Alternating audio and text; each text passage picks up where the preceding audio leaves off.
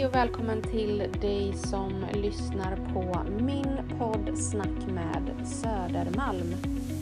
I denna podd delar jag och mina gäster med oss om vad vi lärt oss hittills i livet.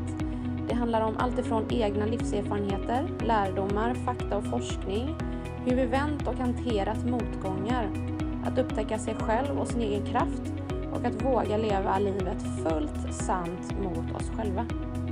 Verktyg för att läka både fysiskt och psykiskt, själsligt och mentalt och råd till att göra ditt liv så meningsfullt och starkt som möjligt.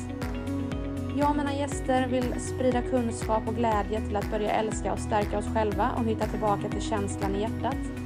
Min ambition är att samla allt det viktigaste på ett och samma ställe som du kan tänkas behöva för att må så bra som möjligt. En podd i rent utbildningssyfte skulle jag vilja säga, men också i ren inspirationsanda till dig som vill nå en ökad livsenergi. Av hela mitt hjärta, varmt välkommen till Snack med Södermalm. Hoppas något här kan nå just din själ.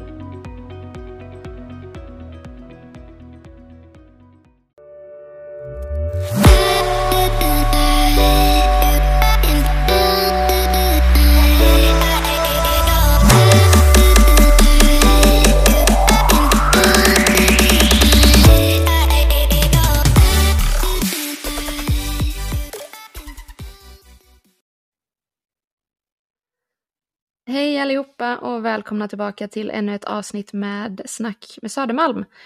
Orkidébarn Sverige kanske ni känner igen henne med på Instagram, för så heter hennes konto, men hon heter Åsa Wikman och är högkänslighetsexpert. Det är du det? Ja, det gör det. Välkommen till det här avsnittet. Jättekul att få göra det här med dig. Ja, men detsamma. Jätteroligt att få vara här. Idag ska vi ju prata om någonting som både du och jag är eh, högkänsliga. Mm, precis. Och eh, innan vi börjar så, och du ska få presentera dig själv lite närmre, men jag tänker bara på det här orkidébarn Sverige, det orkidébarn, alltså maskrosbarn har man ju hört talas om, men orkidébarn det är då alltså högkänsliga barn, eller vad betyder det? Ja, men precis. Jag har ju likställt det med att vara högkänslig.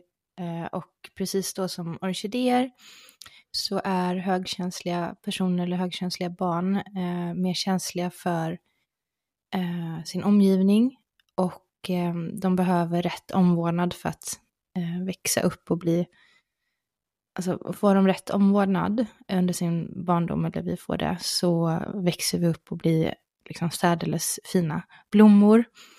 Eh, det här kallas också för fördelskänslighet, att eh, vi högkänsliga personer, vi är mer känsliga för en dålig barndom och påverkas mer av det, men vi, vi påverkas även mer av en någorlunda bra barndom. Och, ehm, och då växer vi och eh, mår ofta generellt sett bättre än många andra. Mm. Mm, spännande. Det är...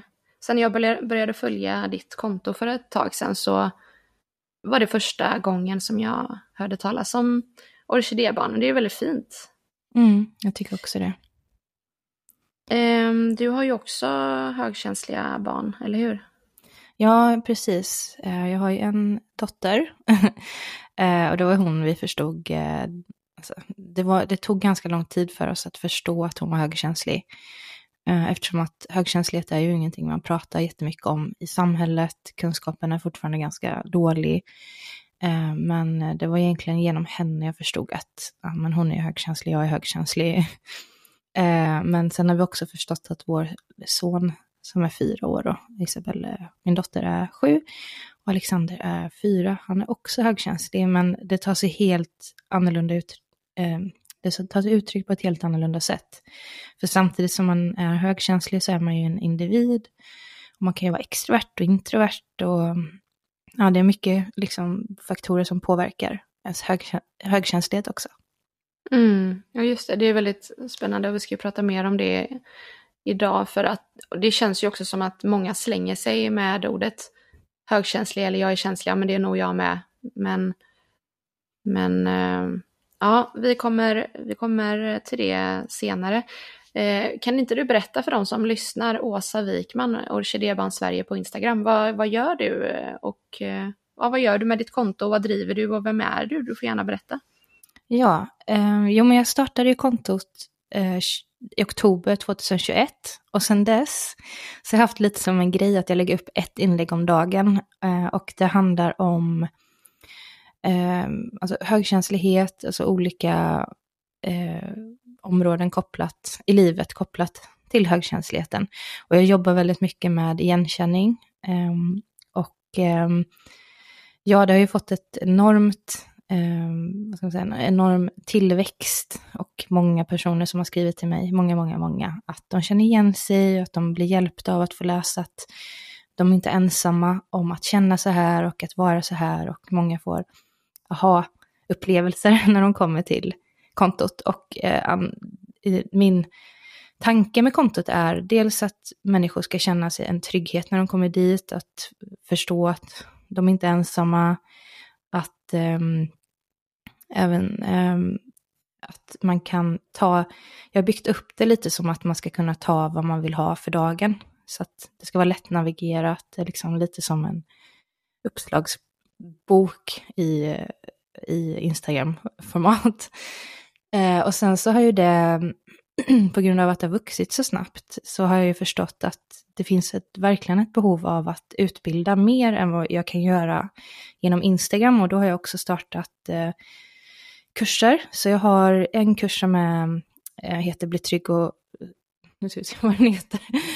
Eh, bli trygg och självsäker i din högkänslighet. Eh, och det är en kurs jag ger på via Zoom eh, två timmar i veckan i åtta veckor och då går vi igenom allt, allt, allt kopplat till högkänslighet. Eh, och för att eh, eh det är någonting som är väldigt viktigt då för att må bra i sin högkänslighet är att ha kunskap om, om personlighetsdraget. Men även få verktyg i hur man kan liksom tänka och vad man kan göra för att må bra. Mm. Så att det är där och sen har jag en föräldrakurs också för föräldrar till högkänsliga barn.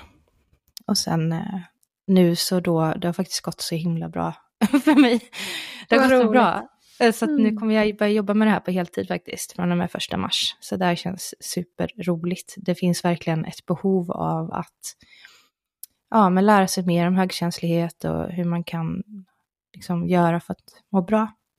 Mm. Ja, precis. Och det är just därför jag kände så starkt att jag ville verkligen bjuda in dig eh, för att få höra dig prata mer om detta, för det behövs ju verkligen. Och som du säger, behovet finns ju.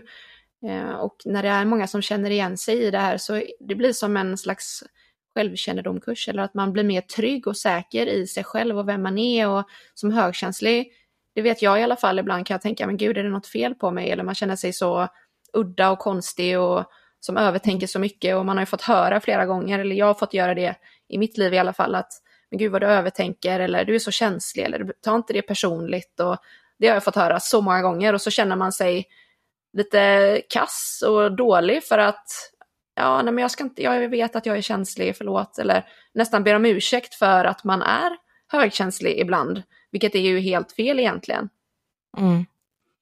Och du, du är ju verkligen inte ensam om att ha fått höra sådana här saker. Eh, de allra flesta av oss har ju fått höra eh, negativa kommentarer kopplade till vår högkänslighet och eh, också det, alltså faktiskt det vi är liksom. Så att, och då blir ju konsekvensen av det här att vi vågar inte uttrycka våra känslor, vi vågar inte vara oss själva, vi accepterar kanske inte oss själva som vi är, vilket leder till en, en kass självkänsla.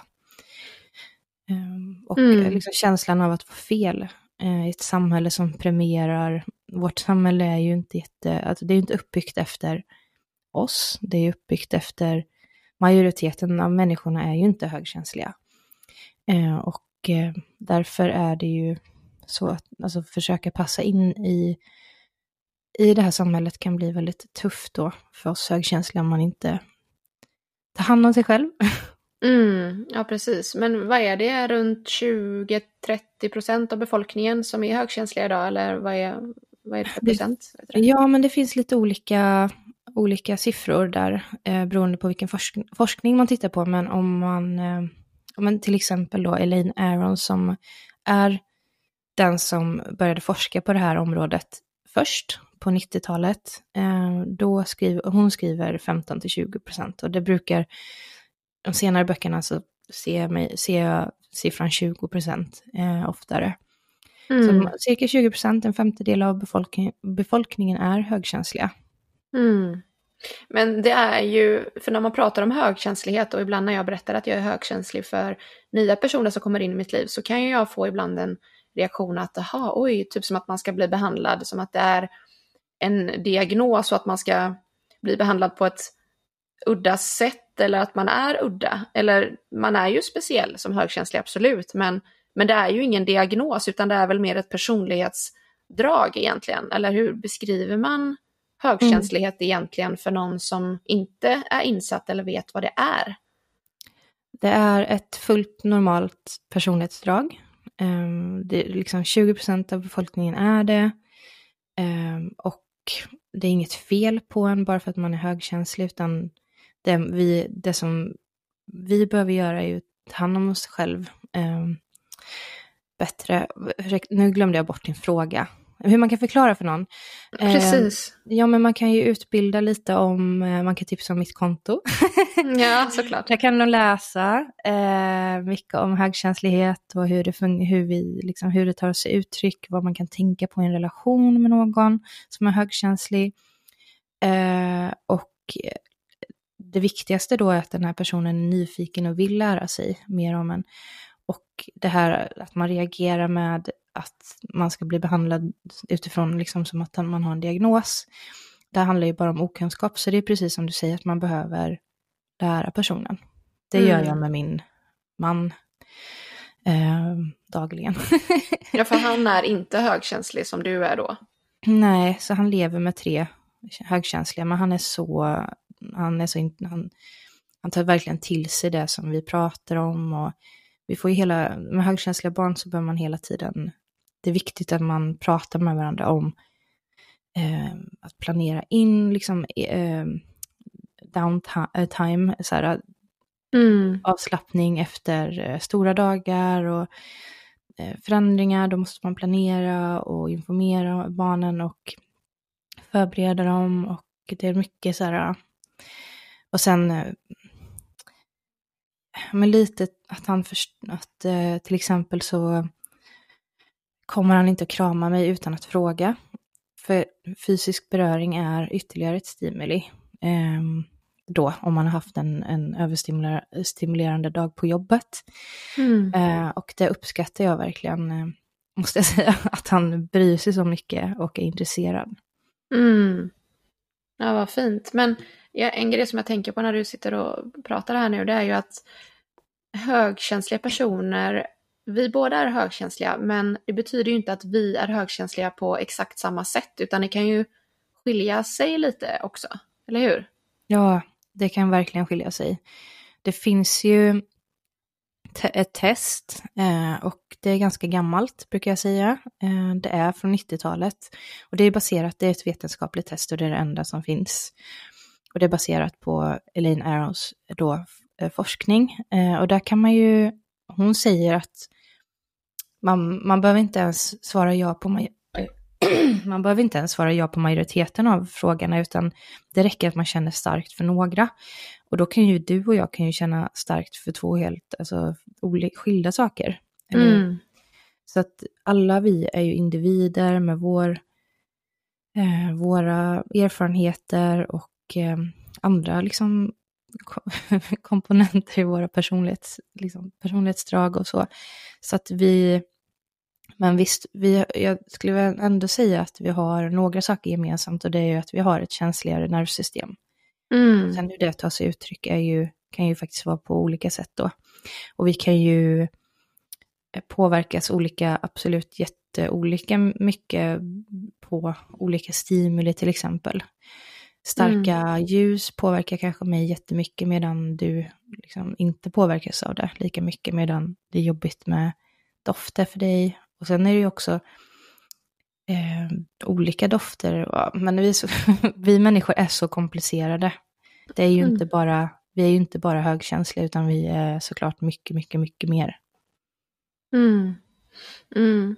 Jag upptäckte ju att jag var eh, högkänslig för ungefär två år sedan och vi pratades ju vid häromdagen eh, på telefon och då kom vi fram till att vi båda upptäckte det av, på samma sätt. Alltså att ha läst den här boken Drunkna inte i dina känslor och att vi kände igen oss i det och började nysta i, mm, man kanske är det. Så det var ju mm. lite roligt. Eh, men det jag skulle säga var att jag har ju levt större delen av mitt liv och inte vetat om det. Men sen dess som jag förstod det, då började ju någon slags inre resa samtidigt i mitt liv eh, där jag lärde känna mig själv på ett helt annat sätt och där jag blev mer medveten om vem jag är och började lyssna inåt. Och det har ju gjort att om jag ser på hur jag är nu och för typ tio år sedan så är det jättestor skillnad. Och, och för tio år sedan så lyssnade jag inte alls in eh, vad som var viktigt för mig eller vad jag faktiskt tyckte var jobbigt. Och det är ju starka dofter till exempel. Jag har oftast inte jättemycket parfym eh, på mig för att jag tycker att det är obehagligt. Eh, jag tycker om när andra luktar gott och jag luktar också gott, men jag vill inte mm. dränka mig i, i dofter på det sättet. Um, och sen eh, ljus, ofta lågt ljus på dataskärmen och telefonen och ja, men hemma lite dovt och mysigt och ljud. När jag tittar på film brukar jag gilla att ha det lite lågt och sådär. Mm. Eh, och sen också framförallt när jag har varit i sammanhang och där jag känner att eh, det här kommer krävas lite socialt av mig, så vill jag gärna ladda lite inför det och sen komma hem och bara ha lite egen tid efter det. Och det är väldigt viktigt för mig att planera in egen tid och återhämtning eh, framför allt. Det är nog det som utmärker min högkänslighet som mest tror jag och även det här att, som, som jag vet att du också kan, känna av när man kommer in i ett rum, känslor och ibland till och med kunna känna in andras tankar och känslor kan jag göra då. Men, men om du skulle beskriva dig själv som högkänslig, hur du är och, och hur du funkar och vad som beskriver dig, vad skulle, vad skulle det vara då? Oj. Um, ja, bra fråga. Um, jo, men jag är ju en blandning, man kan säga. Jag brukar prata om ambivert, att man är lite både och extrovert. Alltså, cirka 30 procent är ju extroverta av oss högkänsliga och det är någonting man aldrig så här, inte tänker så mycket på för i och med att majoriteten är introverta. Eh, men, och jag drar ju mer då åt det extroverta hållet och det betyder att jag behöver socialt umgänge eh, samtidigt som jag blir väldigt, väldigt trött av det. Så att jag, och jag behöver även nya, liksom nya upplevelser och jag behöver verkligen eh, jag mår väldigt bra av att ha projekt. Eh, och det här gör att jag kastas ut i sociala situationer som tar väldigt mycket energi från mig för att man blir precis lika trött av sociala relationer eller socialt umgänge om man är extrovert högkänslig som introvert högkänslig. Ehm, och då, därför, av den här anledningen har jag lite kanske svårare än andra att, eller introvert högkänslig, att hitta den här balansen eh, mellan in, att inte vara understimulerad och inte överstimulerad. Eh, mm. Eh, och eh, det är den där balansen som jag hela tiden försöker hitta. Och sen så då, eh, nej men jag triggas av ganska mycket. En trigger då brukar man prata om när det är en stimuli som orsakar liksom en negativ reaktion hos en. Och eh, det kan ju vara folksamlingar är väldigt vanligt. Det är eh, folksamlingar, stress, för det är inre stimuli. Eh, och eh, gud vad mer, jag påverkas ganska mycket, mycket dofter som du säger. Mm, och hur eh, andra mår framför allt. Ja, men, ja, och mm. det här med att vara då med andra, i ett rum med andra människor till exempel. Eh, och då kanske man har varit säg att man ska till jobbet och så åker man, så går man till ICA först, för det gör jag ibland, och så pratar man, eller kollar lite menande på, på kassörskan och så har man funderat fem tankar kring henne eller honom och sen så går man vidare till jobbet och så sitter man där i möte och så tar man, känner man liksom sinnesstämningar, gruppdynamiken, eh, alla kroppsspråk, är han sur på mig, hon sur på mig, så kan det vara lite när man har en dålig dag, att man, man liksom man tolkar andras beteende utifrån sitt egna filter då, som är mm. ens mående. Så att det där, eh, ja, det är mycket, mycket saker man lägger märke till eh, när man är högkänslig. Och det, är faktiskt, det kanske är någonting jag ska bara berätta lite kort om hur man vet att man är högkänslig. Jättegärna. Jättegärna. Mm. Men Elaine då, jag brukar alltid berätta det här, hon har, hon har sammanfattat det här väldigt bra i en akronym. Och det är, den kallas för, eller den är, jag vet inte hur man säger. Akronymen är då DOES, D-O-E-S, och det här eh, sammanfattar väldigt bra hur vi högkänsliga är. Och från början var det skrivet, den här DOES var menat för psykoterapeuter som kommer i kontakt med högkänsliga. Men sen har hon också, Elaine då sagt att det här passar, det är bra för privatpersoner också. Eh, för att se om man Ehm, är högkänslig eller inte. Och det då är, står för djup bearbetning. Ehm, vi bearbetar allt på djupet. O står för då förmågan att bli överstimulerad av allting. Och så E ett emotionell mottaglighet och empati. Och sen har vi S att vi också lägger märke till allting. Ehm, alla subtila saker runt omkring oss. Det kan ju vara allt från en liten, någon som sitter och trummar med fingrarna på bordet, till en klocka som tickar, till kroppsspråk, tonläge, energier, allt möjligt. Så att det är liksom alla de här sakerna då, att man lägger märke till allt, man har hög empati och eh, tar emot, liksom, tar lätt på sig andras känslor. Eh, man bearbetar allt på djupet. Det är liksom perfekta receptet för att bli överstimulerad. Mm. Mm, tack för att du informerar om detta. Det är ju så värdefull information och det är nog många som antingen inte känner igen sig alls eller känner igen sig väldigt mycket. Eh, och jag tänker på det när du berättar där.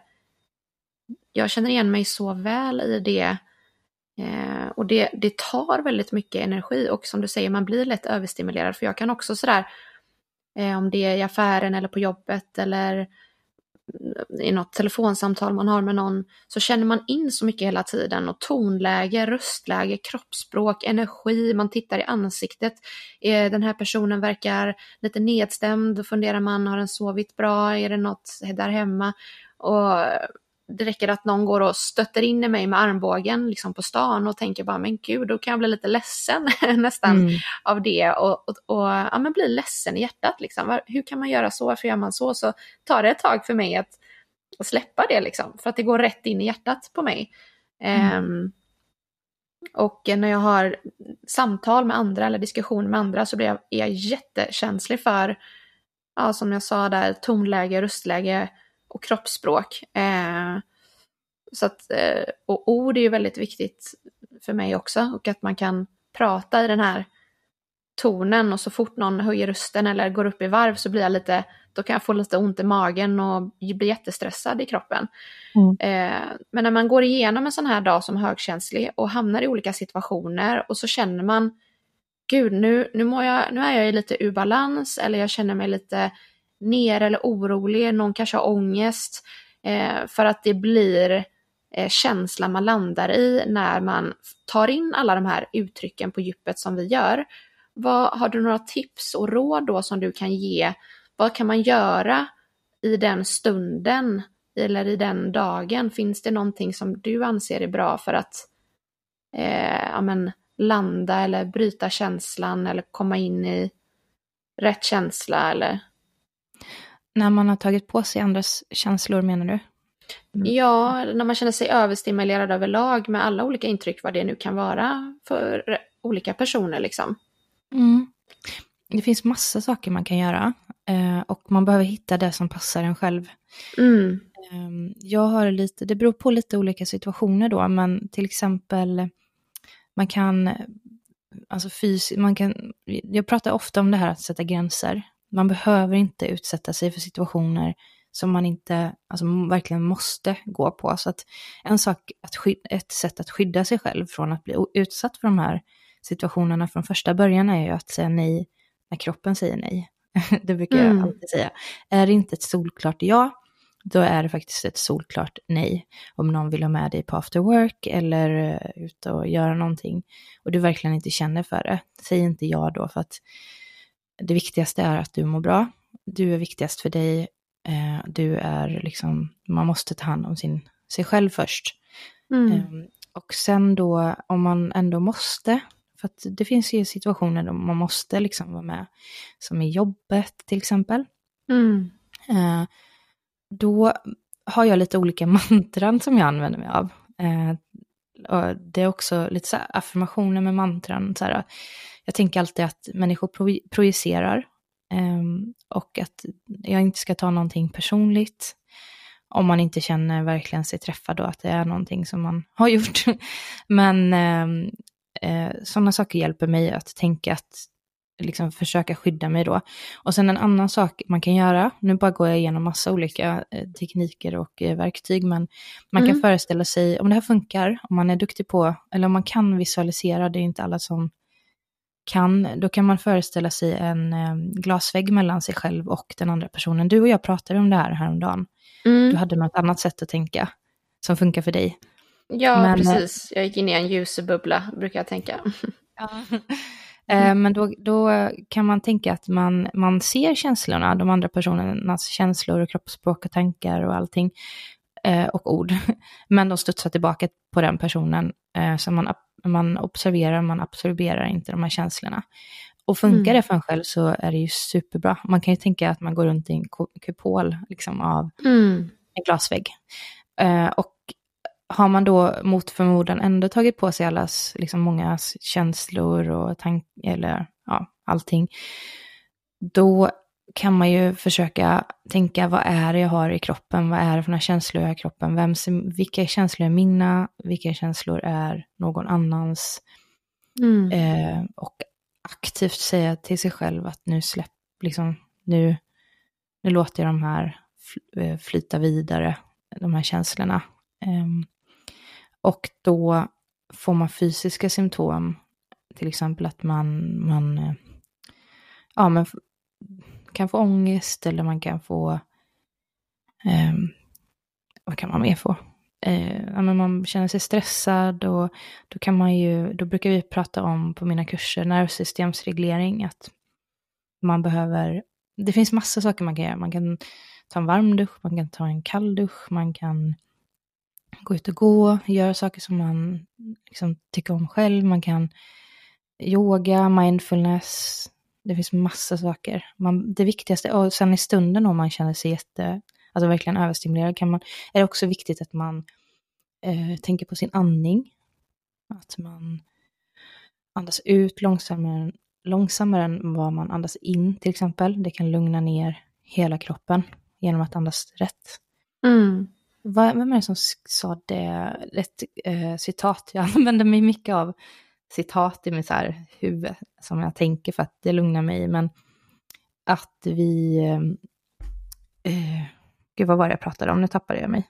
Andningen och lugna nervsystemet. Och... Jo, men alla andas, men eh, få vet hur man ska andas. Så var citatet. Vad sa du en gång eh, till? alla, alla andas, alla människor andas, men det är få som vet hur man ska andas. Precis, precis. Um, och för andningen påverkar väldigt, väldigt mycket. Sen så finns det, det finns så mycket man kan göra. Det är också i stunden, vad kan man göra för att förebygga de här situationerna? Um, och det är viktigt också att man liksom jobbar med att må bra i sig själv uh, på alla olika områden i livet. Mm. För då har man större motståndskraft också till att inte, går man, kommer man till jobbet till exempel, jag pratar alltid om jobbet, för det är där jag utsätts för mest social stimuli. Mm. Eh, kommer man till jobbet och mår dåligt, då är det lätt, då tolkar man ju andras beteende utifrån sina egna, sin mm. egen verklighet. Och då kanske en, bara typ en blick eller ett så kroppsspråk som bara vi uppfattar, tolkar vi typ som något negativt. Fast den här personen kanske inte alls menade det. Han mm. kanske inte ens är medveten om att han har det här kroppsspråket eller tonläget. Mm. Så vi, det är svårt, det, det, är väldigt utmanande att vara högkänslig om man inte är medveten om alla de här sakerna. Mm. Ja, mm. precis. Men jag tror liksom, det känns som att eh, att utforska och bli mer trygg i sin högkänslighet, det är ju, går ju hand i hand med Eh, personlig utveckling och ju mer vi lär oss eh, om oss själva och hur vi kan må bra på alla sätt egentligen, inte bara just med tanke på högkänsligheten utan bara som människa och individ, eh, så tror jag att vi kan hantera våran högkänslighet på ett bättre sätt och inte känna, och känna sig mer stark i det och eh, känna in gåvorna med det. Som att se och känna vad andra behöver och ge det till andra än att vara skör i det och eh, att tycka att det är jobbigt. För innan och tidigare har jag upplevt att det nästan är mer ett handikapp för mig än en gåva. Men nu för tiden så känner jag att det mer är en gåva än, än att jag är skör i det då. Mm. Um, så att jag tror att det är jätteviktigt att påminna om att stanna upp när man tar åt sig någonting eller när man tänker på någonting så fundera på, är det en sanningen eller är det bara en sanning jag har hittat på? Förmodligen mm. så är det inte så i verkligheten. Och om det är så så är det ingenting som man behöver bry sig om där och då. Och det här som du säger med andningen är ju, jag satt nästan och väntade på att du skulle säga det, för att jag mm. själv har ju använt det så många gånger att jag sitter och andas lugnt för att lugna nervsystemet och det är ett så mm. kraftfullt verktyg. Och eh, mm. man, man föds ju med ett andetag och man dör ju med ett andetag, men alla andetag däremellan, hur, hur andas vi? Och många andas ju uppe i bröstet, men det är ju att andas med magen och att andas långsamt in och ut och att till och med kanske hålla andningen på, eh, på inandning och utandning gör ju att du behöver, det har också forskningen sagt att gör du det bara i några minuter så kommer du ner i ett mer nedstressat läge och slappnar av. Mm. Så det är ju verkligen fantastiskt att eh, vi kan bara gå inåt och tänka på andningen. Precis. Och coacha oss själva lite. Ja men verkligen. Och det, först, alltså, det vikt, allra viktigaste här eh, är ju att vara medveten om att man blir påverkad av andras känslor och eh, ord och liksom allt. Eh, för då, det är då man kan faktiskt göra någonting åt det. Eh, men det är precis som du säger, andningen är superduper viktig. Precis som eh, mycket annat då. Men man, jag tänker att man, man kan, jag brukar, det är som att jag serverar litet smörgåsbord på kursen med massa olika sätt. Och så brukar jag säga att man får hitta det som passar en själv. Mm. Um, vad passar mig själv liksom i en stund då när jag känner mig jätte, alltså överstimulerad och mår ganska dåligt. Är det affirmationer, mantran, är det andningsövningar, är det mindfulness, eller är det ut och gå, eller springa? Alltså, allt, alla vi är ju individer och mm. det är liksom olika saker som passar. Och sen kanske det passar i olika situationer. Mm. Och kanske blir man överstimulerad så som jag var på ett julbord i, eh, i julas då, eller innan jul, och eh, det var, jag kände att jag behövde gå på det där för att vara social. Men det var så högljutt, man kunde inte ens höra bordsgrannen liksom prata. Så jag satt där och försökte verkligen höra vad andra sa i två timmar ungefär, en och en halv timme. Och eh, sen var jag jätte, jag får yrsel så fort jag är överstimulerad. Mm. Och eh, då försökte jag verkligen tänka på andningen faktiskt. Eh, och sen så avvek jag ju lite tidigare. Och det där är ju att som högkänslig extrovert då är det väldigt vanligt att man vill vara med men man, eh, man, trött, man blir ju liksom överstimulerad lätt och avviker då oftast snabbare mm. än först. Mm. Men om det är någonting som du känner att du egentligen inte hade velat gå på, vad det nu skulle kunna vara, men som du känner att du måste gå på det.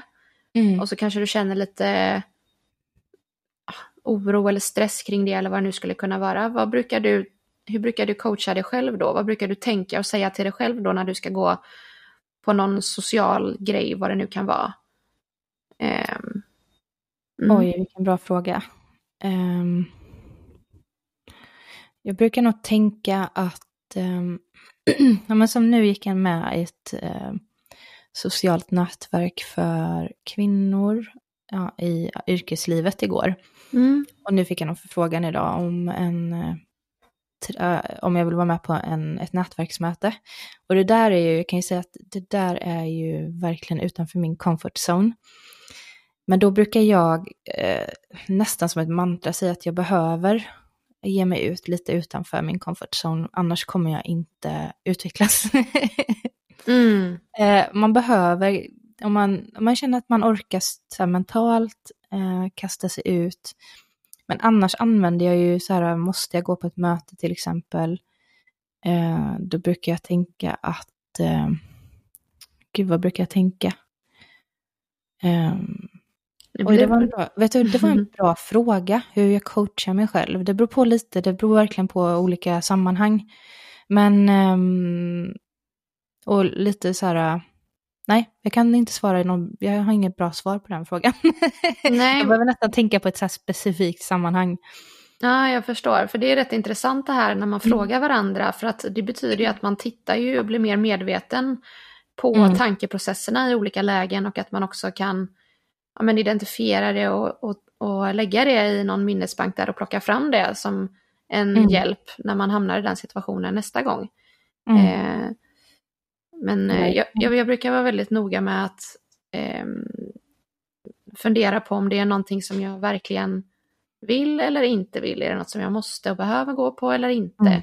Och jag brukar sällan, väldigt sällan gå på saker som jag, ja men nästintill aldrig som jag inte vill. Och ibland är det ju saker som man behöver göra. Och då brukar jag coacha mig själv att, eh, för att då, när man får en stress eller någon ångest eller oro kring det, då har man ju oftast börjat tänka för mycket. Eh, mm. För att det är oftast i huvudet som vi sjabblar till det på något sätt och bygger upp rädslor och hinder och oj vad det kommer bli jobbigt och sådär. Men mm. att man då försöker ta bort det och gå ner i känslan i hjärtat och känna att det behöver inte alls bli så. Det kanske blir jättebra. Förmodligen så kommer det bli jättetrevligt och det brukar alltid bli bättre än vad, det, vad man tror. Och jag har friheten att gå sen när jag vill.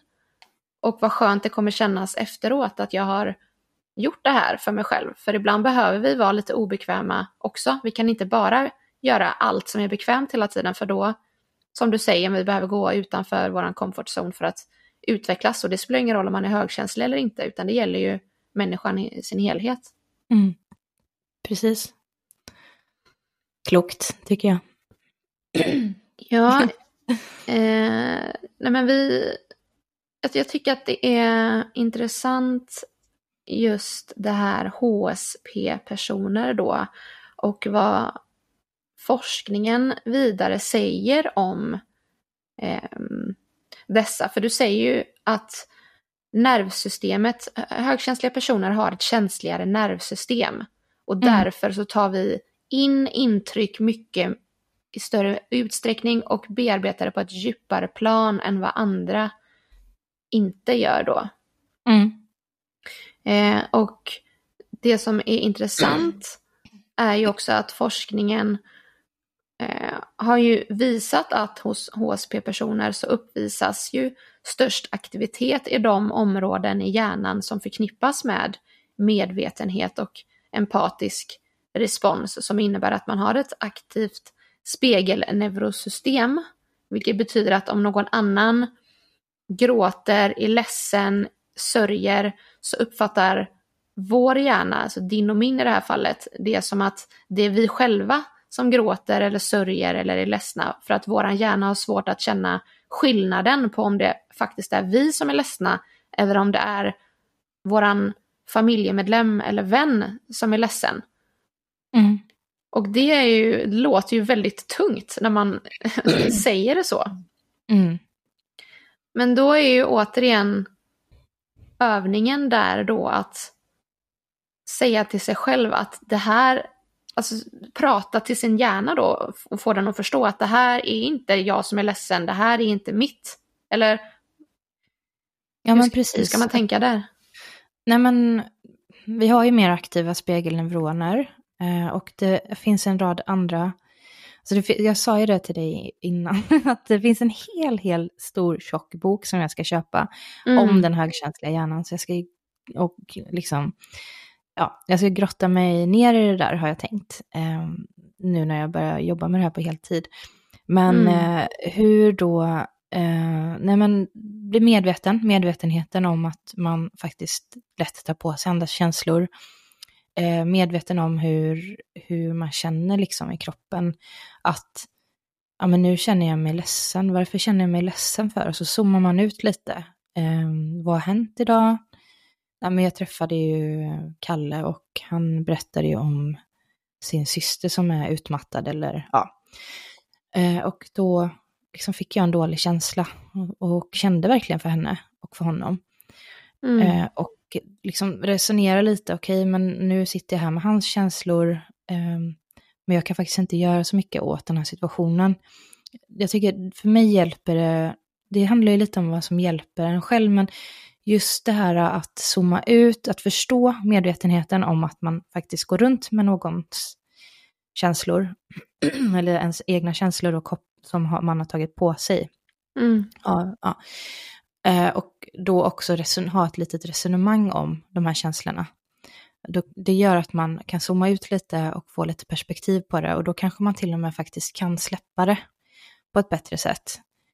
Ehm, mm. Um, och jag skulle vilja säga att medvetenheten om hur man mår, att man stämmer av med sig själv, hur mår jag? Okej, varför har jag den här känslan i kroppen nu? Jag känner mig tyngd. Eller man märker kanske att man plötsligt ser, jag, jag, för mig är det väldigt uppenbart när jag mår dåligt.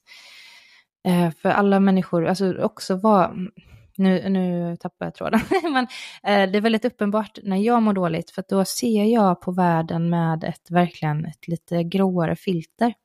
Mm. Det är som att allt blir lite gråare, allt är lite fulare och människor är lite dummare. Och, och då fattar jag ju, men gud Åsa, nu mår du inte så bra. Nu är det någonting, vad är det som har hänt? Mm. Och då förstår jag kanske att okej, okay, men jag är stressad över det här, jag är, eh, jag pratar med någon som fick mig att känna så här. Och eh, då kan man zooma ut lite, så att medvetenheten är verkligen num ett. Mm. Nummer ett, för att då kan man också göra någonting åt, åt sin situation då. Men eh, om man till exempel gått runt om vi pratar om, för högkänsliga personer har en större benägenhet att utveckla psykisk ohälsa.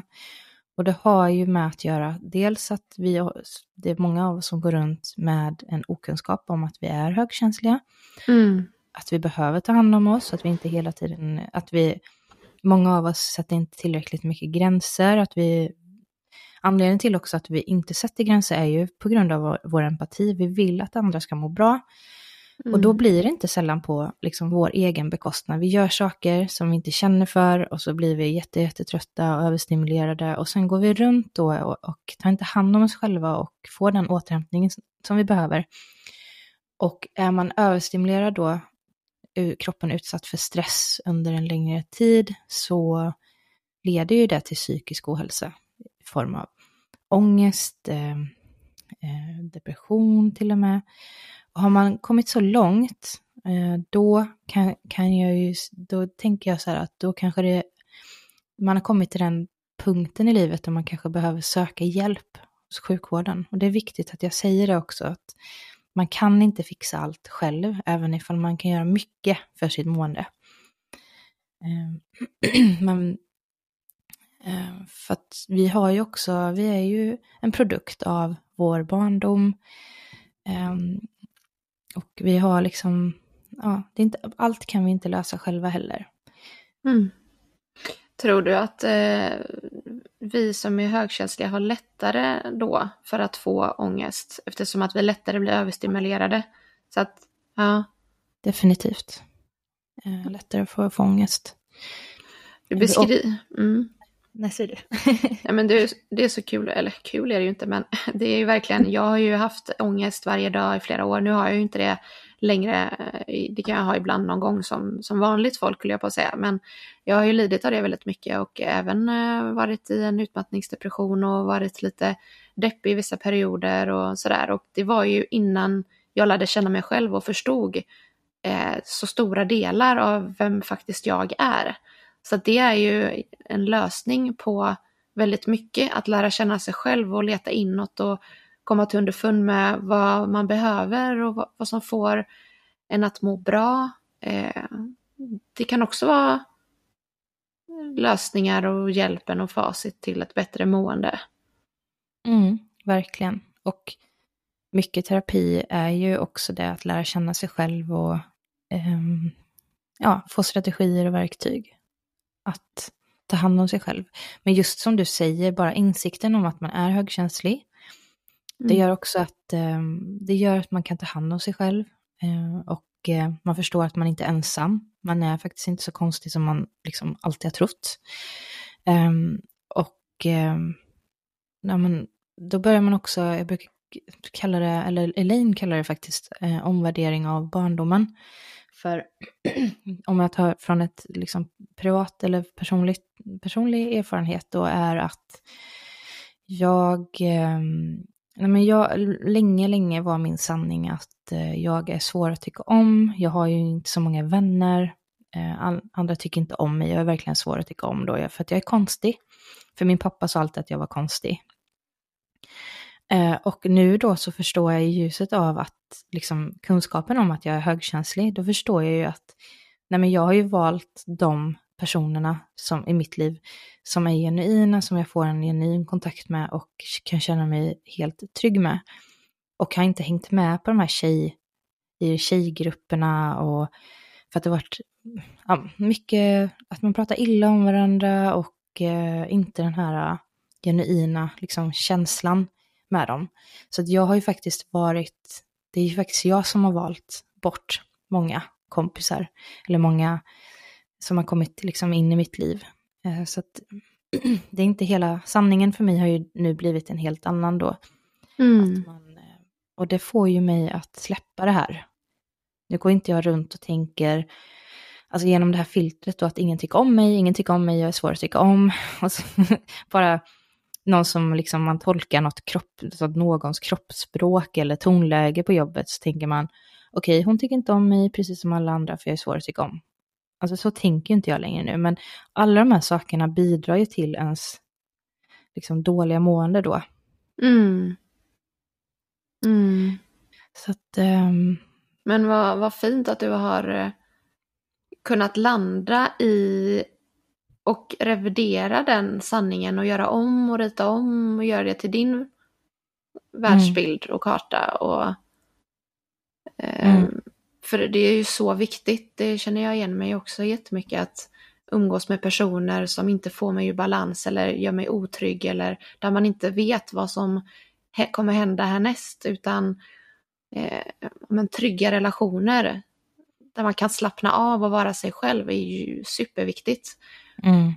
Och det är också sådana grejer som kan få en i balans, till exempel nu inför det här samtalet som du och jag skulle ha, då känner jag ju ändå att jag vill vara i mitt, i min kraft och i mitt state of mind och i min känsla och i mitt hjärta. Och då är jag väldigt noga med att eh, ja, men välja bort det att svara i telefon på vissa grejer till exempel, utan jag går in och fokuserar på mig och mitt och ja, men pratar inte med vem som helst om jag känner att jag vill gå in och ha ett viktigt och fint samtal med dig som, som det här. Mm. Så det är också en, en grej och om man tänker då att jag kan inte prata med den här personen nu för att då kommer jag komma ur balans, då kanske det säger väldigt mycket mm. om den relationen. Verkligen. Verkligen. Så intressant. Mm. Och där eh, sätter du gränser för dig själv gentemot liksom, andra, att du har förstått där att jag behöver komma in i mitt flow. Mm. och då vill jag inte bli störd. Men det, det är svårt att sätta gränser för de flesta och speciellt, det har tagit flera år för mig att bli trygg i det. Eh, mm. För att jag gjorde ju aldrig det innan och det var ju också därför som jag fördärvade mig själv i mitt mående. För att jag mm. ville vara andra till lag, så jag ville prestera och jag ville vara duktig och jag ville hjälpa till. Och jag kunde vakna en ledig helg när jag hade haft fullt upp hela veckan på jobbet och tänka, vad ska jag göra för andra den här helgen? Var behöver jag finnas någonstans? Medan mm. jag nu då eh, vaknar upp och tänker, vad behöver jag göra den här helgen för att jag ska må bra, för att jag ska få känna vila, återhämtning eller ta hand om min kropp eh, och sinne mm. på bästa sätt. Mm, precis. Och det du säger med det här med prestation, att, eh, att du ville prestera, och det, det är ju också det här med högfungerande ångest, det är ju väldigt vanligt hos högkänsliga personer. Mm. Um, och det är liksom... Högfungerande ångest, vad betyder det? Eller vad menar du med det? jag, skulle eh, förklara vad det betyder, tänkte jag. Eh, vad heter det? Jo, men det är ju en ångest som man har på insidan som liksom inte syns på utsidan eftersom att man, det är därför den kallas för högfungerande eller högfunktionell ångest. Mm. Och personer med högfungerande ångest är ju ofta perfektionister och det är många av oss högkänsliga. Och avskyr att göra andra besvikna. Eh, och det tar sig lite ut, så här, olika uttryck, men att man, man, är alltid ut, man är alltid förberedd för att man är, man utgår ofta från att det värsta som ska hända. Eh, och därför är man så himla duktig på att förbereda sig. Eh, man kanske, man, nej, men man visar inte utåt. Eh, trots att man har mycket ångest på insidan så visar man ofta upp en bild av sig själv som tyder på motsatsen. Mm. Eh, och man, man känner ett konstant behov av att hitta på saker, att vara sysselsatt. Man är ofta så här framgångsrik utåt sett. Det behöver inte vara pengamässigt, men man ser bra ut. Liksom, man tar hand om sig själv utåt. Men man har fortfarande väldigt mycket ångest på insidan. Man avskyr att göra andra besvikna. Man mm. pratar konstant när man är nervös. Det gör jag, eller har gjort tidigare. Nu har jag lugnat ner mig. för att jag förstår varför. Eh, man överanalyserar saker och det gör ju vi ändå, vi högkänsliga. Mm. På grund av den här, alltså det djupa bearbetandet då. Um, så att många av, oss, många av oss lider av ångest. Och det är ju en konsekvens av att vi inte har tagit hand om oss själva. Mm. Men gör man det så finns det faktiskt mycket positivt med att vara högkänslig. Det gör verkligen det. Mm. Innan vi går in på lite fördelar med att vara högkänslig så, så tänker jag på det här som du beskriver nu. Um, det kan jag ju tänka att vissa saker kanske nog beror på att man är lite egostyrd då, eh, som gör att man tycker att vissa saker är viktiga. Eh, mm. Och eh, ju mer man jobbar bort det, desto mindre problem har man med det kanske. I alla fall när det kommer till mig, jag kan tala för mig själv i alla fall, det är nog väldigt olika där. Och var man är någonstans i livet och i sin personliga utveckling för att möjligen så att ju äldre man blir och ju mer man har utvecklats och hittat sig själv och kommit ner i hjärtat och känner att jag har inget att vara nervös och orolig för och jag behöver inte prestera, jag behöver bara vara mig själv för att det räcker. Och att mm. bara känna ett lugn som infinner sig i det. Mm. Eh, kan ju också eh, hjälpa och tänka så. Eh, för, för, att jag tror att jag tänkte väldigt mycket så förr. Att eh, mm. vad ska andra tycka och jag måste prestera. Men nu känner jag bara att jag gör min grej på, på, på det bästa sättet som jag kan. Och jag kan inte allt, men jag kan någonting. Och, det, och där är jag just nu. Och, så, och det är också bra. Mm. Jag, tänk, jag, tänkte på det också att vi högkänsliga personer har ofta en hög eh, yttre självmedvetenhet. Att vi är väldigt medvetna om hur vi framstår, alltså framställer oss själva till mm. andra.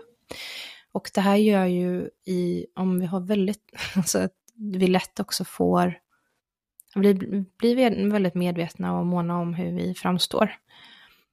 Eh, och bryr oss väldigt mycket om det också. Och, eh, och jag tycker om det här citatet. Eh, får jag säga det? Ja, såklart. eh, jag tycker det är så bra. När du är 20 år, eller när man är 20 år, så bryr man sig om vad alla tycker om en. Och när man är 40 så, in, så slutar man bry sig om vad alla tycker om en. Och när man är 60 år, då inser man att ingen tänkte på en från första början. Mm.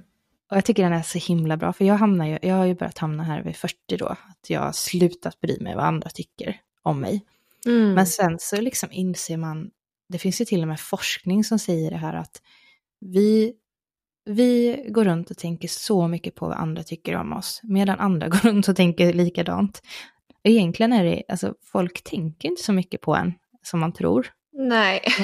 De är så, det kanske låter lite tragiskt samtidigt, men det är ju en väldigt skön känsla att förstå liksom att nej men han går inte och ältar vad jag sa, eller hur jag, att jag blev röd i ansiktet eller hon liksom, hon tänker inte på det längre utan det är bara jag som går runt och ältar här nu. Mm. Eh, och i sin, liksom, jag har ju gått runt och ältat en händelse som egentligen inte var så illa. när jag var 25, när jag hade poolparty i Australien och ja, jag blev, drack för mycket och betedde mig lite, sa lite dumma saker. Eh, och det här har jag gått och ältat i alltså 15 år.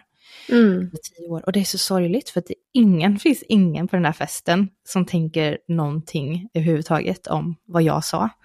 Mm. Eh, och det är så himla viktigt att, att komma ihåg att folk tänker inte så mycket på en eh, som man tror.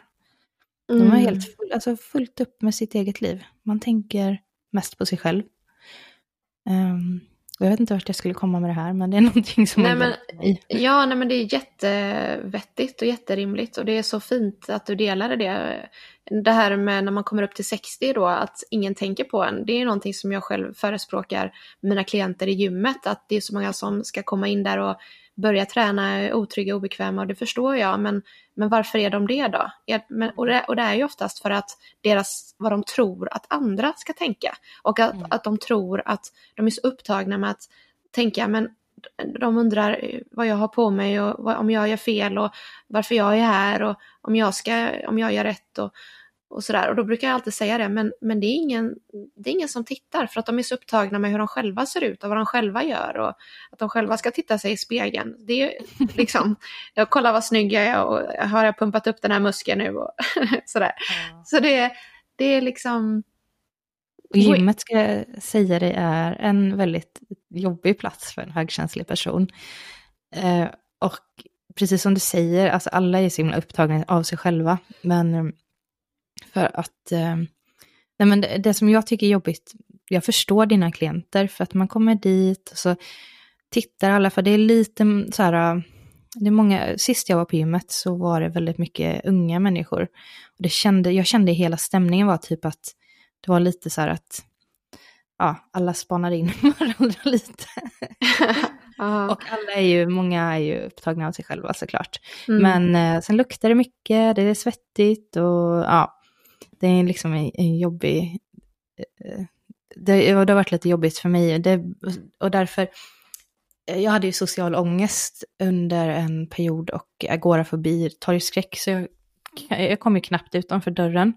Mm. Eh, och eh, då hade jag som mitt ultimata mål var ju att eh, när jag var frisk då, då, när jag skulle veta att jag var frisk, då, då det var när jag satt inne på gymmet, eh, det stora gymmet i Lund, för det är så, det är så himla stort, när jag satt där inne och typ tränade, eh, då hade jag nått mitt mål. Och det gjorde jag ju, eh, för, och det säger ju ganska mycket om hur jobbigt jag tyckte att det var att vara på gymmet ja. eh, tjej, man kanske blev, även ifall inte alla tittar på en så kände man sig uttittad där. Ehm, men det nådde jag ju det målet i alla fall. Ja, men vad bra. Men hur kändes det när du satt där då? Var det liksom jobbigt och motigt i kroppen eller kom du till den känslan att du var där fysiskt och också kändes att det kändes bra på insidan eller? Ja, nej men det kändes bra faktiskt. Ja. Men det var jätte, det var liksom en overklig tanke, eh, kanske för alltså månaderna innan då. Okej. Jag tog det lite steg, steg för steg, utanför dörren, sen runt kvarteret, och sen lite längre och sen lite längre. Men vad var det som gjorde att du utvecklade social fobi och torgskräck där? Ehm, ja, men det var ju en period i mitt liv då jag mådde väldigt dåligt. Jag tror att jag hade så PTSD från min barndom, eller min ungdom. Och ehm, tog inte alls hand om mig själv och fick panikångest. Jag, det är en lång historia, men jag, skick, jag flyttade till min kompis familj när jag fyllde 18, på min 18-årsdag. Mm. Och det var som att liksom när jag äntligen kunde slappna av så kom alla, alla känslor, alla symptom liksom som ett brev på posten. För att jag var inte längre i överlevnadsmod, eller vad man säger, att jag Mm. kunde slappna av. Så då fick jag panikångest och eh, mycket kortfattat så fick jag en panikångestattack på en, eh, när jag skulle redovisa en uppgift på eller, Lunds universitet då Mm. eh, som jag var rätt stressad över, men jag hade gjort ett jätte, jättebra jobb och jag ville verkligen visa hur duktig jag var. Mm. Duktiga flickan. Ja. Eh, och då fick jag en panikattack och sen liksom eskalerade det där för att jag blev så rädd för att, att skämma ut mig. Mm. Den här yttre självmedvetenheten då. Mm. Och jag var 20 typ, 22. Så det var Mm. jätte, jätte, jätte, jättepinsamt och jättejobbigt. Eh, och det eskalerade ganska snabbt och då blev det eh, agorafobi då. Och det var mycket, mycket, mycket ångest kopplat till det Mm. där. Men det är som sagt högkänslig plus barndom då, dålig barndom. Mm. Wow, vilken, vilket jobb du eh, har gjort då. För titta vad du gör idag. Du håller ju i kurser och du, du gör ett helt fantastiskt jobb och du är där ute i, i eten liksom och jobbar på. Det är ju fantastiskt. Ja. Du med. Ja men eh, vad fint, vad fint. Ehm, det, det här med, vi kan väl vara överens om att högkänsliga personer har en del utmaningar men att vi ändå är fina individer med ett gott hjärta, eller vad säger du? Ja men verkligen. Och jag, jag kan ju säga så här att jag skulle ju inte, jag kan inte tänka mig ett liv utan min, hög, alltså min högkänsliga sida. Det känns som att det hade varit ganska, jag förstår ju att icke högkänsliga inte känner så här, men för mig hade det varit lite grått. Att inte känna så mycket för alla de vackra sakerna i, i livet och allt. Liksom få de här tårarna när någonting litet i livet händer. Till exempel att nej men det här, alla känslor och det för mycket gott med sig. Vår kreativitet och den här förmågan att förstå andra människor och kunna sätta sig in i deras situation. Vi har inte tråkigt när vi är ensamma. eh, vi blir väldigt djupt berörda av de små sakerna i livet. Mm. Eh, och eh, ja, det finns mycket, mycket positivt med att vara högkänslig. Mm. Men man måste må bra i sig själv för att kunna se fördelarna. Mm, ja men precis, det är ju just precis det. Och jag är också tacksam, jag är en stolt, stolt högkänslig person. Jag är också väldigt glad över att få känna in mycket och också kunna få känna in hur andra mår och hur andra verkar vilja ha det för att kunna ge det bästa till andra också. Det är en lycka och glädje för mig Mm. att kunna vara en bra medmänniska och eh, men verkligen sätta mig in i hur folk mår. Det är väl nog därför många öppnar upp sig till mig och pratar också om Mm. och blottar sina hjärtan för att de känner att det är tryggt och göra det för att jag verkligen kan förstå och lyssna in, precis som du kan göra. Mm. Precis. Ja men eh, vad fint Åsa, vilket fint samtal det här blev. Ja, det blev det verkligen. Eh, är det som någonting vi har missat? Det känns som att man har suttit och pratat med en kompis en timme bara. ja men eller hur, gud vad underbart. Det blev jag jätteglad att höra, det är ju precis det som jag önskar eh, att, att eh, du ska känna i det här läget, så det är ju jättehärligt. Ja. Ja, men verkligen, men ehm, det är ingenting vi har missat va? Inga så sista tips som du har eh, att skicka med, eller du har ju sagt en del men Avsluta med, eller vi kan, typ mina sista ord kan vara det som jag tjatar om i mina kurser som är det absolut viktigaste. ja, Och det är att vara snäll mot dig själv. ja vad fint. Jättefint. Ja men det, det tar vi med oss båda två. Och eh, till dig som lyssnar, var snäll, var snäll mot dig själv. Eh, och eh, ta hand om dig. Du är fin Mm. precis som du är. Precis. Ska vi säga så? Ja, tack för idag. Ja, tack själv. Tack själv. Hej. Hej.